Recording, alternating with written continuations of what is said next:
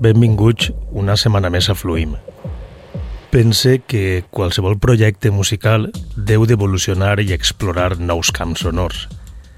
L'estancament o la utilització d'una mateixa fórmula de manera indefinida pot propiciar que una banda acabe desapareixent o també al contrari perquè els seus seguidors no accepten que canvie mínimament.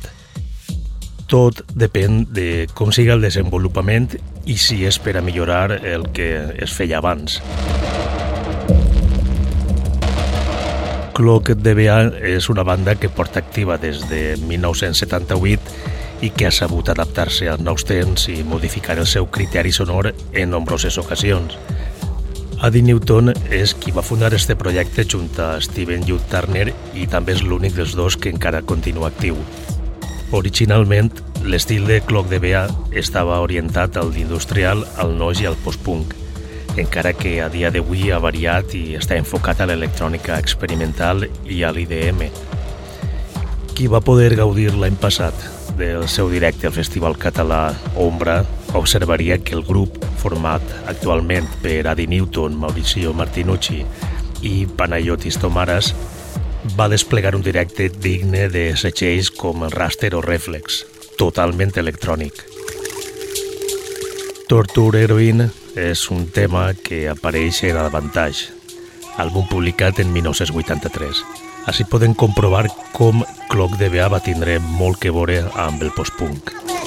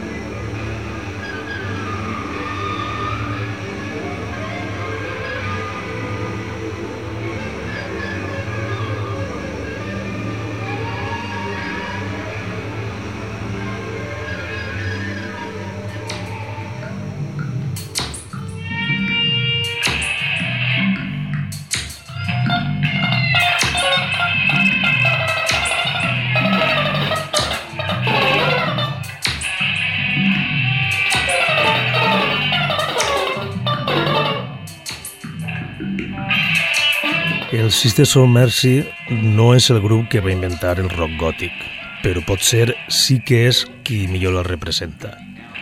The Sisters of Mercy va néixer en 1980 amb Andrew Elrich i Gary Marks i després es van afegir tres membres més que van ser Dr. Avalanche, Craig Adams i Ben Gunn i este últim va ser substituït per Wayne Hassey abans de publicar el primer àlbum. Dir que Doctor Avalanche no és una figura humana en si, sinó el nom que va adoptar la caixa de ritmes que controlava el propi Elrich i que a dia d'avui són dos portàtils amb els quals llancen ritmes, llancen també el baix i textures electròniques.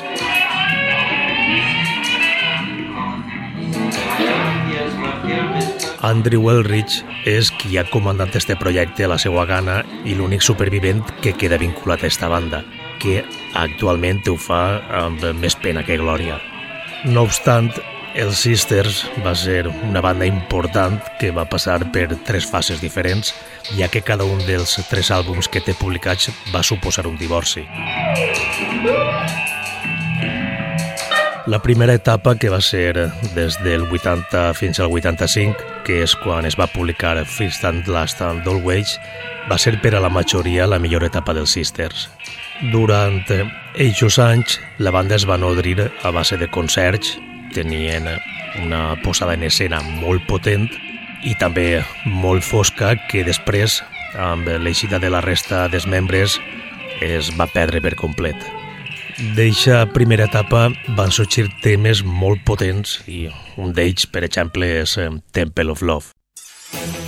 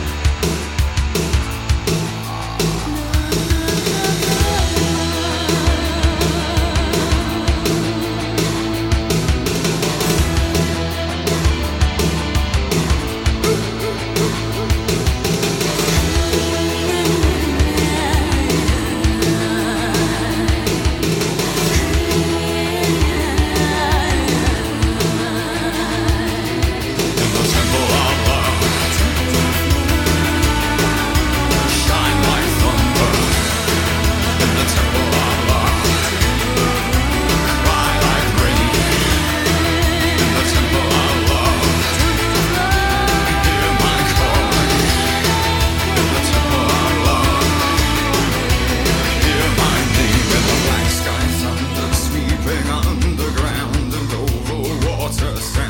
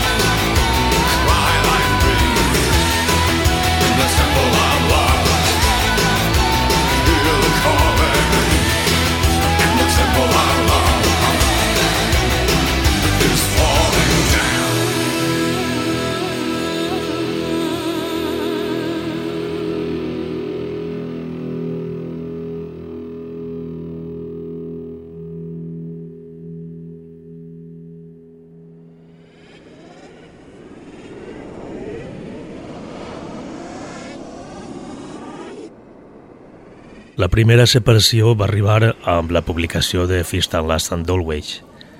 Després de llançar este primer àlbum, durant la gira de presentació, Gary Marks abandonava primer la banda i al finalitzar la gira, Wayne Hassey i Craig Adams també decidiren deixar de formar part del Sisters of Mercy. Hassey i Adams acordaren amb Elrich que mai més es tornaria a utilitzar el nom dels Sisters o qualsevol nom que el relacionara. Esta ruptura en un primer moment va ser amistosa. Després, Wayne Hassey i Craig Adams s'associarien per a fundar una altra banda i en este cas la jugada es va eixir prou malament.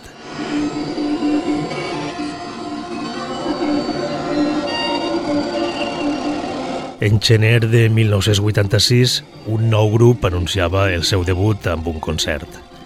El nom d'esta banda era The Sisterhood, que curiosament feia referència al grup més extens dels seguidors del Cites of Mercy.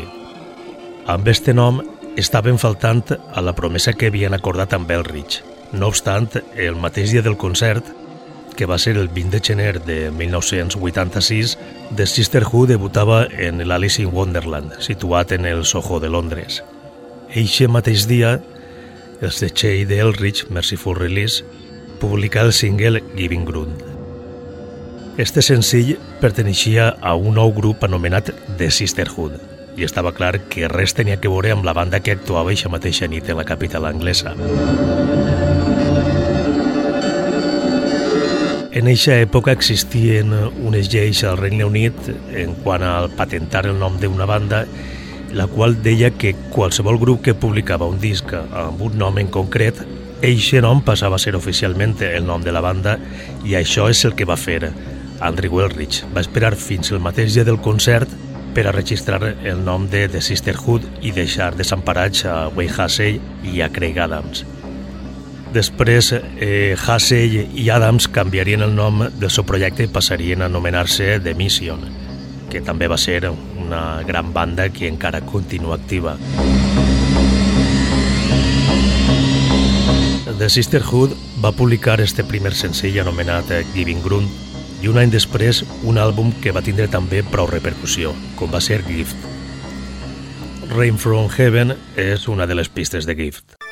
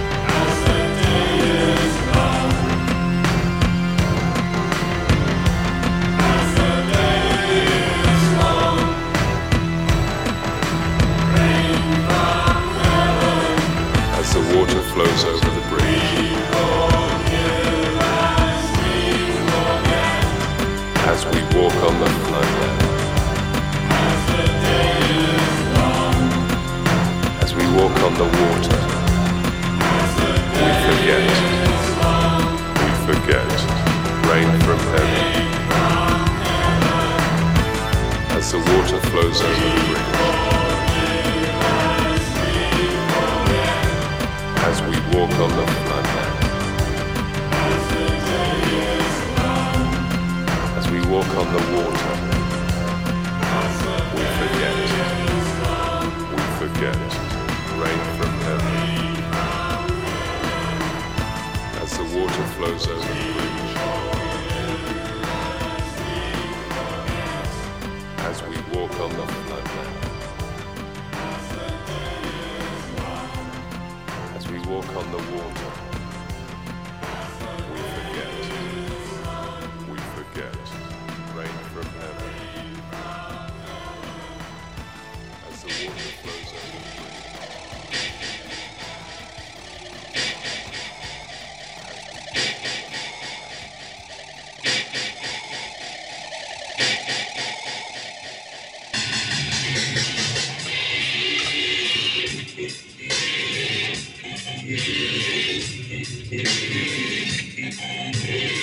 Després de publicar el Rich Gift amb The Sisterhood, va reprendre de nou el projecte amb The Sisters of Mercy i va aconseguir publicar un gran àlbum que va ser Fluland, creat i composat tot per ell mateix.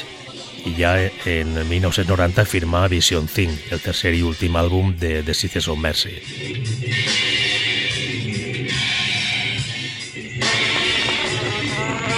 La història dels Sisters of Mercy dona per a una pel·lícula. Industrial Complex, plataforma que opera com a setxell, i editorial va publicar en 2021 un llibre que conta la història d'esta banda de Leeds. El llibre va acompanyat d'un àlbum de versions que va ser publicat conjuntament amb Agno Plessur Records, setxell francès propietat de Pedro Peñas i també amb la discogràfica catalana Oráculo Records. Que escolten la versió que va fer Years of Daniel del tema Poison Door.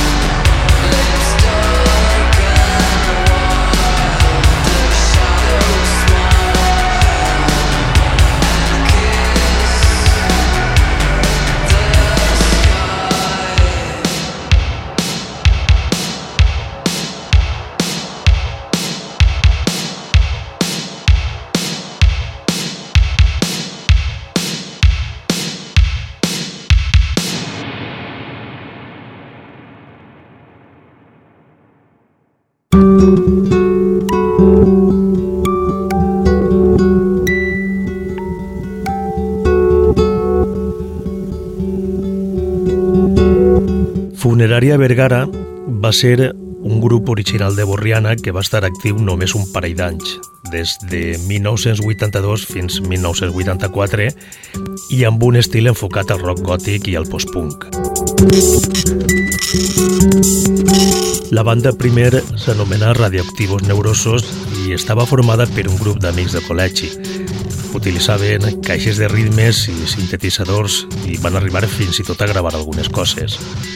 Després de diferents variacions en la formació original provocada per l'eixida d'alguns dels membres, la banda es va estabilitzar en 1982.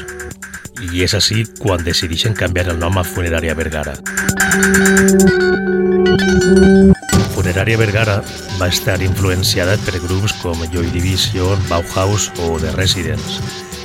El seu estil va ser acunyat com a necropop, van publicar un disc anomenat Després d'un dia de antes que a dia d'avui es pot aconseguir fàcilment perquè la discogràfica catalana domèstica el va reeditar en 2013.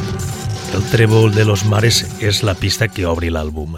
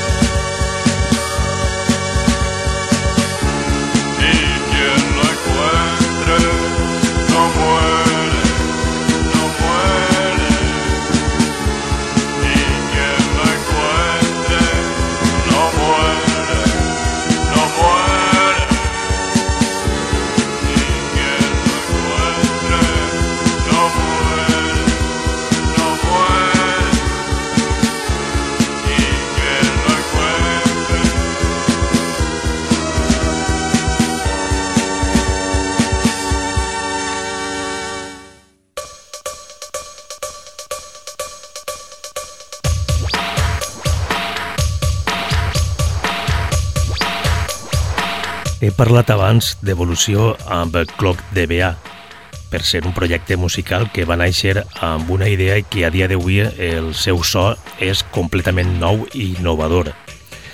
Click Click va ser també una banda que va evolucionar ràpidament. De fet, la banda original va néixer en 1976 i s'anomena en un primer moment Those Nervous Sercions. El canvi vingué quan pensaren en incloure línies sintetitzades i si canviava el so, pues, també devia canviar el nom del grup. I així passaren en 1982 a anomenar-se Click Click. Adrian Smith i Derek E. Smith són els fundadors de Click Click, que és un grup que es va influenciar amb artistes com Brian Eno, Calvare Borter, The Residents i Frank Zappa. I també amb Blade Runner, amb Click Baker i les substàncies que expandien la ment. Click Click continua amb altres membres rotatius per un camí més electrònic fins que en 1990 van deixar d'estar actius. John Morris va formar part del grup com a guitarrista fins que va ser substituït en 1987 per Graham Stronach. Pete Hoyser, en canvi, va permanèixer en el grup fins al final d'este. Adrian Smith i Derek E. Smith van reprendre el projecte en 1997 i 2015 va ser l'últim any en el que publicaren treballs inèdits. Escoltem Sweet Stuff, single publicat en el 1984 i que tant identifica el so d'esta banda.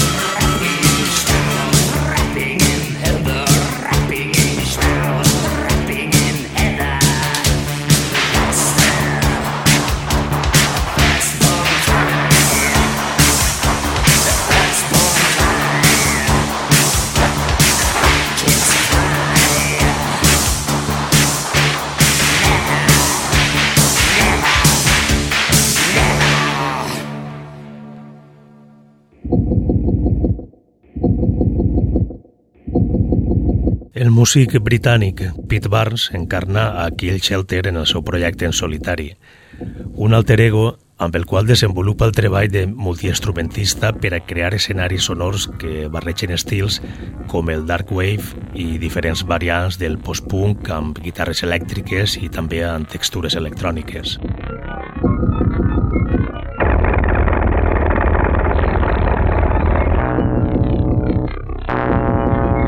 Kill Shelter és un dels músics que va participar en el tribut a Sisters of Mercy, publicat per Industrial Complex, i també en el tribut a Bauhaus, firmat també per esta discogràfica.